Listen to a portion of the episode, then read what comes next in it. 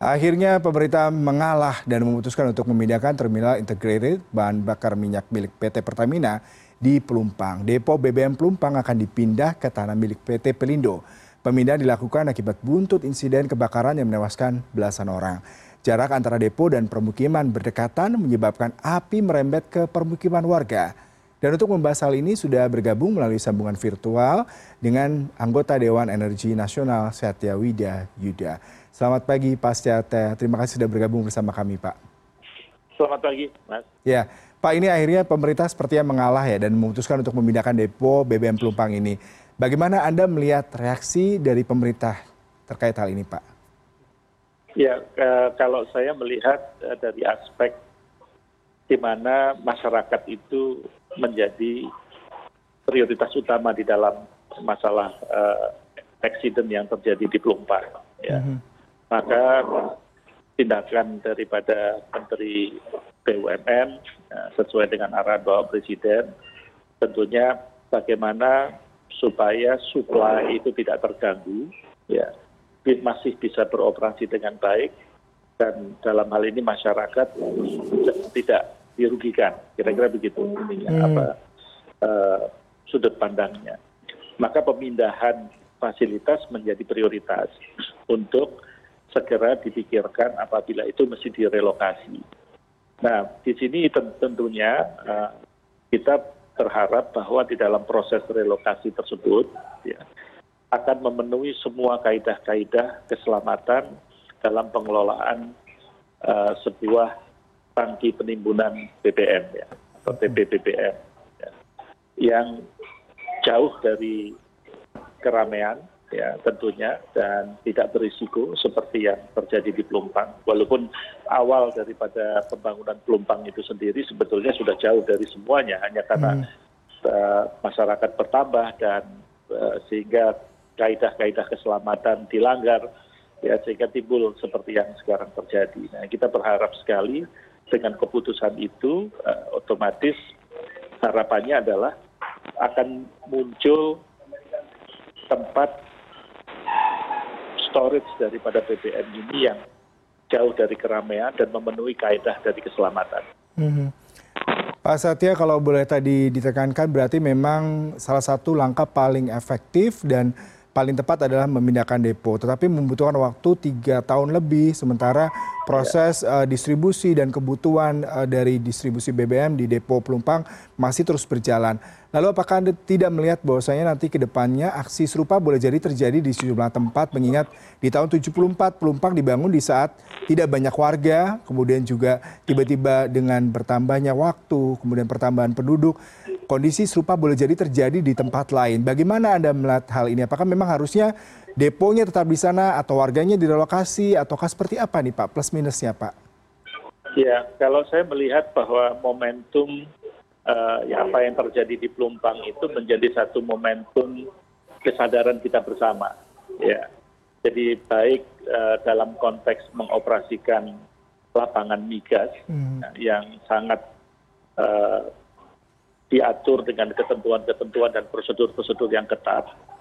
Di samping itu juga masyarakat yang berada di sekelilingnya itu uh, dengan adanya kejadian ini akhirnya menyadarkan kita semua bahwa itu berdampingan dengan fasilitas fasilitas yang sebetulnya mempunyai tingkat keselamatan yang tinggi itu menjadi sesuatu yang tidak mudah dan harus disadari dengan penuh. Ya saat ini uh, nampaknya tidak demikian. Hmm. Maka ini harus dijadikan momentum pembelajaran. Ya, kita berharap tidak terjadi di mana pun industri strategis itu beroperasi baik itu yang dikelola oleh pertamina ataupun yang dikelola oleh pihak lain dalam arti kata uh, mereka mengoperasikan di sektor minyak dan gas bumi ini dan saya melihat maknanya besar ya dengan demikian masyarakat tahu bahwa uh, kecelakaan di dalam pengoperasian itu bisa menimbulkan fatalitas gitu ya. Mm -hmm di mana eh, yang fatal bukan hanya yang mengoperasikan tetapi justru masyarakat yang ada di sekelilingnya. Hmm. Dan ini juga otomatis juga bisa menghimbau untuk masyarakat-masyarakat yang saat ini di tempat lain yang juga uh, hidup berdampingan dengan fasilitas minyak dan gas bumi dan terutama di daerah-daerah yang harusnya dibebaskan atau masuk di dalam kategori buffer zone atau masuk dalam kategori right of way ya yang seharusnya tidak dihuni ini tentunya menyadarkan kita semua ya supaya uh, ke depan hal yang demikian tidak terjadi. Nah, itu yang uh, yang message atau pesan yang uh, perlu kita renungkan bersama agar di ke depannya ya ke depannya tidak akan timbul musibah yang seperti yang dialami pada beberapa waktu yang lalu di daerah Depo Plumpang. Hmm, Pak, uh, sebuah harga yang mahal yang harus dibayar dengan belasan nyawa melayang ya Pak ya sementara kejadian serupa juga pernah terjadi di 2009 kemudian juga beberapa wilayah lain akibat insiden kebakaran kebocoran pipa kemudian juga menimpa warga. Lalu evaluasi yang tepat seperti apa pak? Apakah memang dari pihak iya. pertamina perlu melakukan evaluasi berkala terkait dengan risk management kemudian warga dan pemerintah setempat terkait dengan eh, pemberian izin tinggal bagi warga di sekitar kawasan strategis milik pemerintah terkait hal ini pak Iya, memang ada dua hal yang harus kita pisahkan ya, Mas Yuda. Jadi uh, yang pertama adalah di dalam kita mengoperasikan fasilitas, ya satu dan uh, accident itu kan dimungkinkan terjadi di hmm. dalam kita mengoperasikan apa saja, ya karena uh, macam-macam faktornya. Bisa itu menjadi human error, bisa itu technical error, ya ada beberapa kejadian uh, yang muncul di dalam industri kita di seluruh dunia. Mereka mengalami hal hal yang demikian.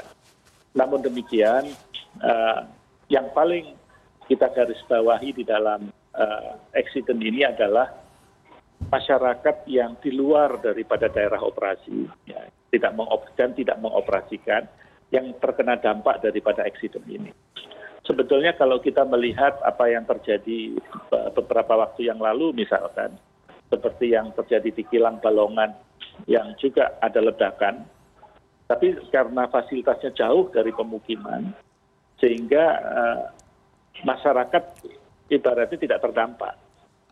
Ya walaupun ada koreksi sendiri terhadap uh, masalah yang menimpa secara operasional. Dan itu tentunya saya yakin uh, Pertamina pasti akan Eh, mengevaluasi dari waktu ke waktu ya apa yang menyebabkan ini terjadi dan pasti kita tidak menginginkan ini terjadi berulang. Mm-hmm. ya dan itu akan dilakukan satu uh, audit investigasi yang sekarang berjalan untuk pengoperasian uh, lapangan tersebut di kemudian hari agar tidak terjadi hal-hal seperti ini.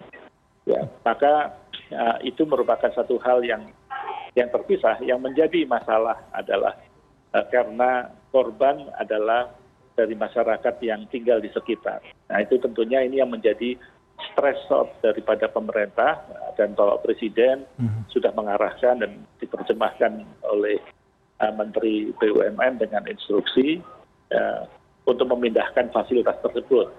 Nah ini tentunya kita juga menginginkan ya di kemudian hari ya agar di fasilitas yang baru ya nanti juga harus mempunyai satu perencanaan yang uh, komprehensif uh, di mana pada pertumbuhan uh, penduduk dan juga demografi yang mungkin berubah dalam skala 10 hingga 20 tahun ke depan tidak mengulang dari apa yang terjadi di Pelumpang di mana dibangunnya pada tahun 70 sudah mempertimbangkan banyak hal tetapi rupanya tidak seperti yang diharapkan karena banyak hal hal yang harusnya itu di daerah yang dibebaskan tidak boleh dihuni ternyata dihuni. Hmm. ini yang menjadi pelajaran bagi kita semua ya. Iya. Pak Satya terakhir mengenai rekomendasi dari Dewan Energi seperti apa? Ada yang mengatakan seharusnya pemerintah tidak terlalu reaktif untuk langsung memindahkan karena harus mempertimbangkan kajian lengkap terkait dengan teknis, ekonomi, sosial, dan lingkungan apabila akan memindahkan depo Plumpang ke Tanah Pelindo nah kalau kami eh, tentunya mendukung mbak posisinya adalah mendukung apa yang sudah diputuskan oleh uh, pemerintah karena ini uh, keputusan daripada pemerintah.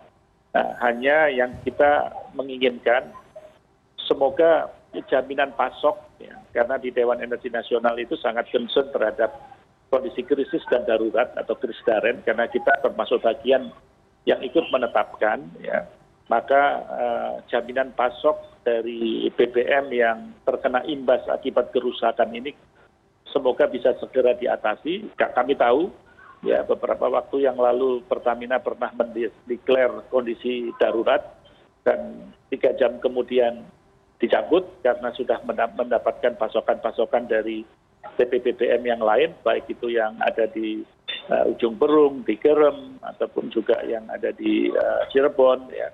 Semua uh, memfokuskan untuk pemenuhan kebutuhan uh, pasokan yang ada di daerah TKI ini ya sehingga tidak terjadi shortage ya maka hmm. uh, ke depan kita menginginkan di samping kita menjaga jaminan pasok tersebut supaya tidak menimbulkan impact yang luar biasa ya kepada masyarakat di luar daripada lokasi tersebut maka mudah-mudahan ke depan ya di tempat yang baru pengelolaannya uh, akan lebih baik ya walaupun memerlukan proses tetapi di dalam mengantar untuk mendapatkan fasilitas yang baru tentunya perlu dipikirkan uh, adanya uh, tangki-tangki baru baik itu melalui floating storage ataupun apa yang bisa menjamin jaminan pasok uh, daripada kebutuhan BBM yang ada di daerah dki dan sekitarnya atau jabodetabek ini.